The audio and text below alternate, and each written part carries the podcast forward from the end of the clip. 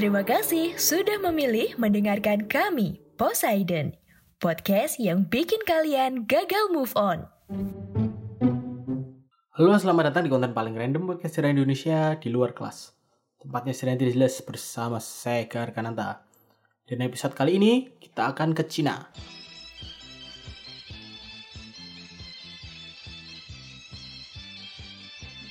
China is blue, no China is red. Demokrat silahkan minggir ke Taiwan karena ini tahun 1949 dan Partai Komunis Cina berhasil memenangkan perang saudara. Seluruh daratan Cina akhirnya bisa merasakan indahnya kehidupan bersama komunisme. Tapi sayang ini cuma harapan ya, efek imperialisme Jepang dan Perang Dunia Kedua, belum lagi ditambah sama perang saudara yang lebih dari 20 tahun lamanya, ini tuh udah bikin keadaan negara Cina tuh nggak jauh beda dari nasib rakyatnya. Yang kurus, lemas, sengsara, dan jelas butuh rencana kalau masih mau hidup sampai besok lusa. Wabah penyakit pencernaan, malaria, cacar, sampai pes merajalela dengan korban yang nggak sedikit berjatuhan setiap harinya. Angka kematian balita sampai di angka 20-30 persen. Gimana menunjukin superioritas komunis kalau rakyatnya aja habis? Inilah yang harus dihadapin Mao Zedong dalam masa awal kepemimpinannya. Terus apa solusinya? Yang pertama ya jelas ya, yang paling penting ya, sangat penting sekali. Yaitu mengerahkan pasukan untuk membantu Korea Utara dalam Perang Korea karena persahabatan komunisme itu nomor satu ya, kesejahteraan rakyat tidak perlu. Yang kedua adalah dengan melakukan pemberantasan warganya yang dituduh oposisi atau dituduh anti pemerintah. Karena daripada mati karena penyakit, mending warganya mati bunuh-bunuhan. Lagian dikit doang kok, cuma 700 ribu kok yang mati, jadi ya nggak masalah lah. Yang ketiga adalah dengan melakukan pemerataan ekonomi. Pemerataan di sini adalah dengan cara uh, merebut hartanya orang kaya dan tuan-tuan tanah ya, buat dibagiin ke masyarakat sekarang kan jadi rata kan, miskin semua. Dengan semua program yang sukses luar biasa ini, Mo Zedong akhirnya mengeluarkan rencana yang paling pamungkas, yaitu program Great Leap Forward atau lompatan ke depan ya. Program ini bertujuan untuk memajukan negara Cina dengan merubahnya dari negara agraris yang jorok main lumpur ke negara industri perkasa yang penuh polusi udara. Jadi pertanian ala komunisme itu begini konsepnya. Lahan milik pemerintah ini tuh dikelola bersama-sama oleh warga ya secara gotong royong. Hasilnya nanti dipakai makan bareng-bareng sisanya baru diambil sama pemerintah buat diekspor. Tapi masalahnya jumlah hasil pertanian ini tiap tahun kok makin turun gitu. Kenapa ya kira-kira? Nggak mungkin dong karena lahan pertanian yang berubah jadi pabrik. Atau karena jumlah petani yang lama-lama juga berkurang karena mereka berubah jadi buruh pabrik. Pasti ada penyebab lain gitu. Tersangka yang menyebabkan Cina ini menderita karena porsi makan warganya tuh yang terus berkurang. Di tahun 1958 akhirnya dikeluarkanlah Four Pass Campaign atau kampanye empat hama yang dalam bahasa Cina adalah The Bluetooth device is ready to pair. Sesuai namanya, kampanye ini bertujuan untuk menggerakkan masyarakat untuk memberantas empat jenis hama yang mengganggu dan meresahkan kehidupan masyarakat Cina. Apa aja itu? Yang pertama adalah nyamuk ya, serangga kecil yang bukan hanya mengganggu tidur, tapi juga bertanggung jawab menyebarkan berbagai macam penyakit kayak malaria, demam berdarah, cikungunya, kaki gajah. Hama kedua adalah lalat, serangga terkenal suka nongkrong di tempat jorok ya dan menyebarkan berbagai bakteri dari kotoran ke makanan. Hama ketiga ini adalah tikus, hewan pengerat yang nggak cuma suka makan perabotan ya, makan kabel, makan sabun dan juga makan bahan makanan, tapi juga membawa kutu yang menyebabkan penyakit pes bubo ya atau bubonic plague yang pernah jadi black death ya di Eropa. Dan hama yang terakhir ini mungkin yang nggak diduga-duga adalah burung gereja Burung yang masuk keluarga burung pipit ini, ini tuh digadang-gadang sama pemerintah Cina, adalah penyebab utama berkurangnya pasokan beras dan gandum tahunan mereka. Karena menurut mereka ya, setiap burung gereja ini, satu burung itu tuh bisa menghabiskan sekitar 4 kilo bulir beras dan gandum setiap tahunnya. Atau sekitar 3% dari total produksi tahunan.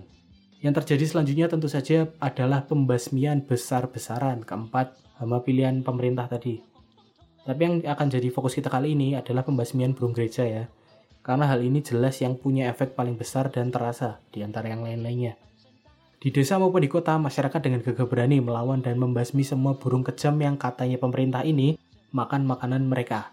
Telurnya dipecahin, sarangnya dirusak, burung gereja yang terbang itu ditembakin, yang hinggap dipukul, dan yang paling parah, cara yang ngebunuh burung paling banyak ya, adalah dengan membunyikan berbagai hal keras, entah itu mukulin kayu, mukulin panci, rebana, atau bahkan masang speaker simbada atau speaker kawinan ya. Pokoknya yang berisik apa pun sampai burung-burung ini tuh gak berhenti terbang karena ketakutan dan mati karena kecapean atau karena kena serangan jantung ya.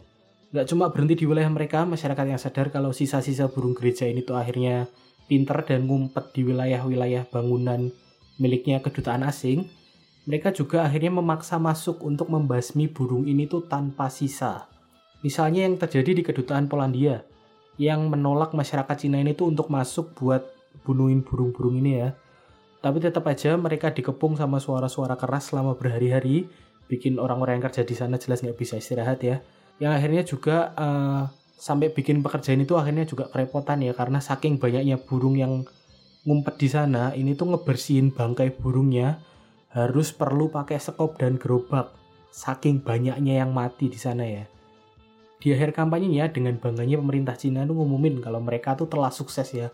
Mereka menang dalam membasmi sekitar 100 juta kilogram lalat, 11 juta kilogram nyamuk, terus 1,5 miliar tikus, dan juga 1 miliar burung gereja. Dan setelah itu semua terjadi, akhirnya masyarakat bisa mulai hidup tenang dan bahagia karena pengganggunya udah dibasmi ya. Sayangnya hal ini cuma mimpi. karena yang terjadi selanjutnya tuh sangat jauh dari kata bahagia. Beda sama nyamuk, lalat, dan tikus, burung gereja ini punya peran yang sangat besar dan nggak bisa diganti di dalam ekosistem. Sebuah informasi yang bahkan anak SD sekarang tuh udah pada paham ya. Burung nggak cuma makan biji-bijian, tapi juga makan serangga. Dan apa yang terjadi kalau burungnya hilang dari ekosistem? Tentu saja jumlah serangganya jadi nggak kekontrol. Dan dalam hal ini, serangga yang dimaksud adalah belalang. Dengan dibasminya populasi burung gereja, Cina akhirnya mengalami serangan belalang dengan jumlah paling besar yang pernah tercatat. Ditambah lagi, di periode ini memang sedang ada kekeringan. Jadi lahan pertanian yang tinggal sedikit yang cuma cukup buat makan sehari-hari, ini juga akhirnya habis dimakan sama belalang. Dan memulai wabah kelaparan paling parah dalam sejarah manusia. Sekaligus bencana buatan manusia yang paling besar ya.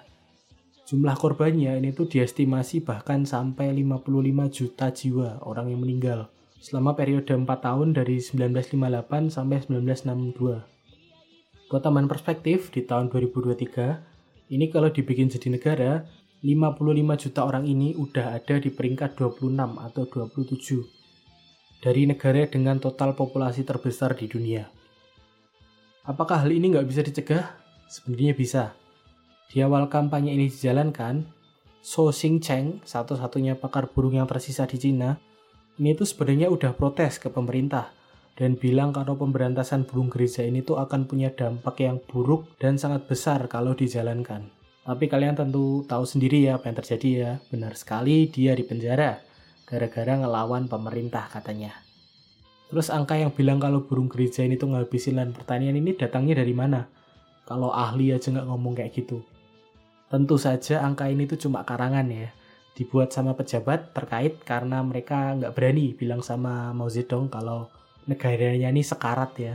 Dan bakal hancur gara-gara dia tuh ngawur kalau merintah. Terima kasih sudah mendengarkan episode ini. Cek juga Instagram at podcast underscore sejarah Indonesia. Atau Instagram pribadi saya di Atroti Kecap. Jika ada kesalahan, saya mohon maaf sebesar-besarnya. Saya Ega Arkananta, orang yang sepertinya bakal di di Cina pamit. Sampai bertemu di konten Poseidon lainnya. Bye-bye. Jangan lupa follow dan subscribe ya, oke? Okay?